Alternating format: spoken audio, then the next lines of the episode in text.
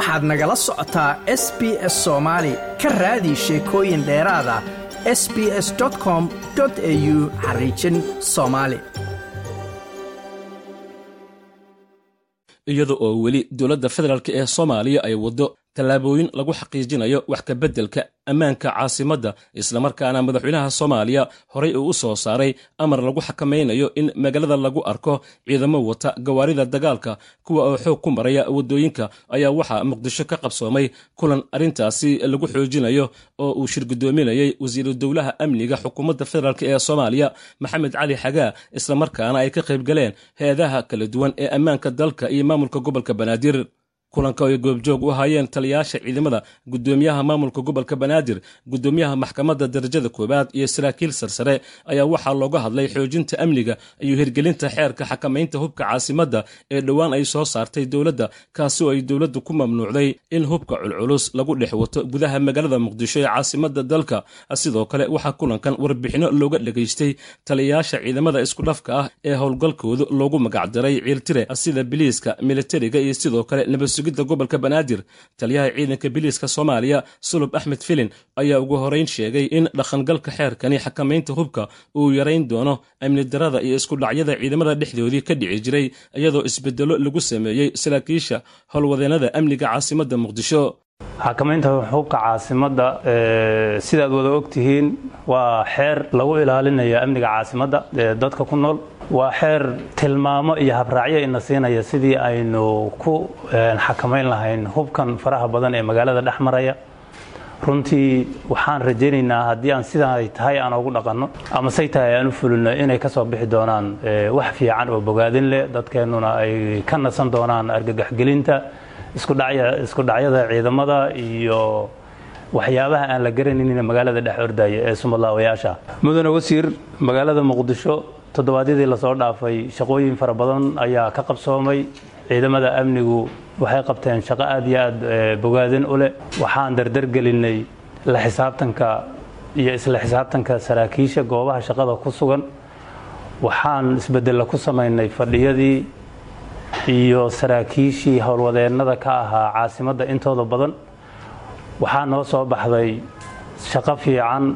oo hortabin u leh ummadda soomaaliyeed inay qabsoontay. Waxaan rajaynaynaa insha allahu annagoo shacabka soomaaliyeed iyo maamulka gobolka banaadir aan kaashanayno inaan guulaysan doonno aan ka guulaysan doonno cadowga kuna sii wadi doonno hadda shaqada aan wadno siina dardargelin doonno arrinta xukamaynta hubka hubka magaalada muqdisho sida aad wada ogtihiin ama ad go'aanka laga qaatay ee xeerka laga soo saaray waxaa la xakamaynayaa waa hubka waaweyn gaadiidka saaran dhashiikaha iyo bekhemka iyo qoriga madfaca uu ku jiro sabanka iyo hubka yaryar ee sumadlaawayaasha ahaa ee lagu dhexwato magaalada ee bajaajka lala saaraya. Ama ciidan qalabka sida ha ahaado ama midow ee ka aha oo maaragtay sumadlaawaha ha ahaado. Waxaa la xakamaynayaa ee dadka laga qabanaya waa hubka hawa dhankiisii guddoomiyaha maamulka gobolka banaadir ahna duqa muqdisho yuusuf xuseen jimcaale madaale ayaa sheegay in dhaqangelinta xeerkan uu faa'iido dhinaca amniga u leeyahay bulshada uuna yarayn doono hubkii sida micnodarada ah lagu dhex watay gudaha caasimadda ciidamada u xil saaran in lagala shaqeeya mar kastaba hawshaasi siday ku suuro geli laheed ama ay ku fuli lahaayeen in lagala shaqeeya waa laga marmaan. Marka kuwa qoryaha ku xarakoo jiray ama xabadda iska ridi jira ayagoon ka fiirsanin ee dadka ku dhaawici jira ku waxyeelay jiray maanta waxaan aaminsanahay haddii xeerkaani dhaqan galo in laga badbaadi doono badanoo ka mid ah oo dadka macnodaro isaga dili jirta duqi caasimadda anigoo ku hadlaayo waxaan leeyahay dadweynaha magaalada muqdisho waxay baahi u qabaan amni ayay baahi u qabaan. Amnigoodina cidda mas'uulka ka eed waa maanta cidda halkaan fadhido. Waxaan rajaynaynaa haddii ilaa yidhaahdo sidii aan u ballan qaadnay inaan u istaagnay inaan arrintaas uga dhabay doonno haddii ilaa yidhaahdo guddoomiyaha maxkamadda ciidamada qalabka sida gaashaanle sare xasan cali nuur shuute ayaa sheegay in aan marnaba la aqbali doonin in hub culus iyo dabaabaad magaalada lagu dhex wato. Waxaa reeban qoriga in la qaato la isticmaalo gaadiid ciidan oo uu ku xihan yahay qoryaha dhashiikaha iyo qoryaha ka sii waaweyn uu ku xihan yahay reeban. Waxaa reeban in la isticmaalo qoryaha baasuukaha dheh ama maxaa la yidhahdaa r b g-ga dheh in magaalada lagu lagula dhex laafiyado oo madaxa lagu ilaalina la dhahaa reeban. Waxaa kaloo reeban qoryaha dirandooriga u dhaco oo bkm-ka ka mid ah iyo wixii la mid ah ayaa reeban in la isticmaalo. Maxaa la yidhaahdaa waxyaa dadka hubkaasi isticmaali karo waa la sheegay oo xeerkii ku qoran tahay. Waxaa la yidhi ciidamada amniga oo howlgallada magaalada ka socda u idmana isticmaali karo waxaa isticmaali karo oo markaasi la dhex mari karo ciidamada ee u kala gooshaya gobollada bacdamaa ay socdaan howlgallo hubaysan oo argagixisada lagula diriraayo maadaama ay socdaan. Waxaa isticmaali karo ciidamada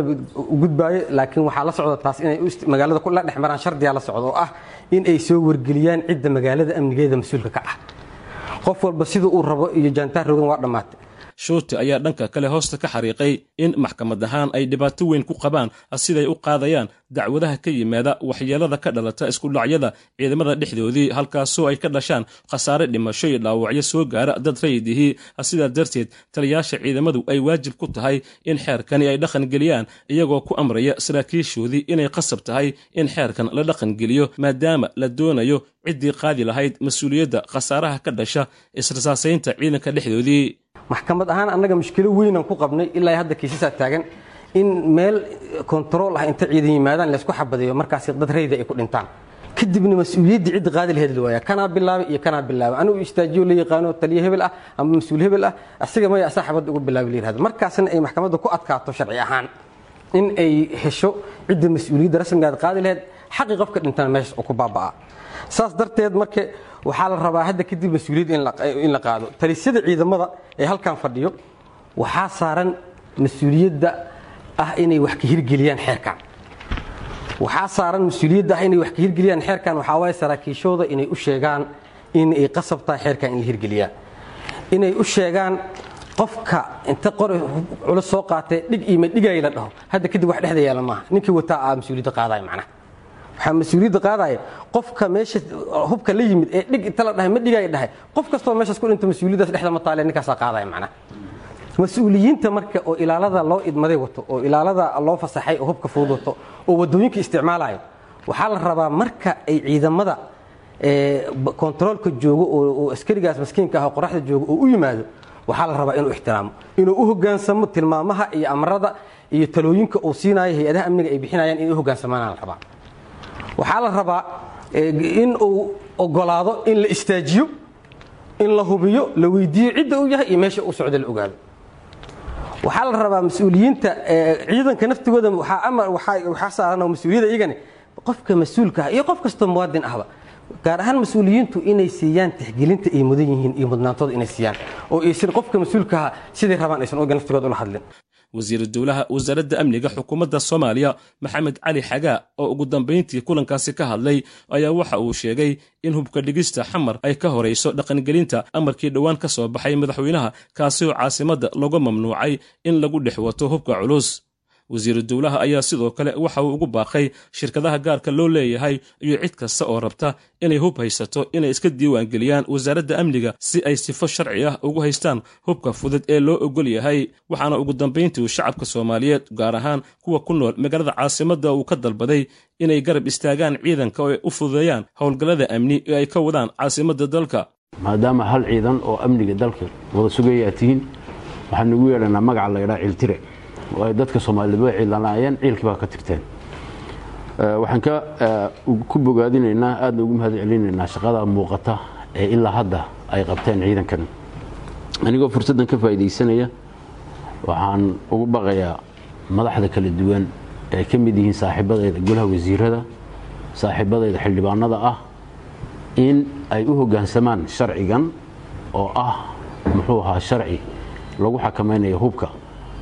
dadkuna inay fahmaan hubka dhigis lama gaadhin weli waa la gaari doonaa wejiyo badan buu yeelan doonaa laakiin wejigii koowaad aan maraynaa waxa weeyaan caasimadeennu si qoryaha waaweyn ee argagaxa leh ee cadowga lagula dagaalamo ee cid lagu dilaya magaalada dhexdeeda aana ka muuqan ugu muuqato magaaladuna magaalo nabadeed inay dhigaan guryahooda dhigtaan. Qofkii aan ka maarmin gaar ahaan shirkadaha brivatka ah waxaan iyagana baaq ugu dirayaa halkan inay iska diiwaan geliyaan maadaama ay shaqadoodu tahay inay ku shaqaysaan hub inay iska diiwaan geliyaan wasaaradda amniga iyo cid kasta oo rabta inay hub haysato ha ahaato aake ama bistoolad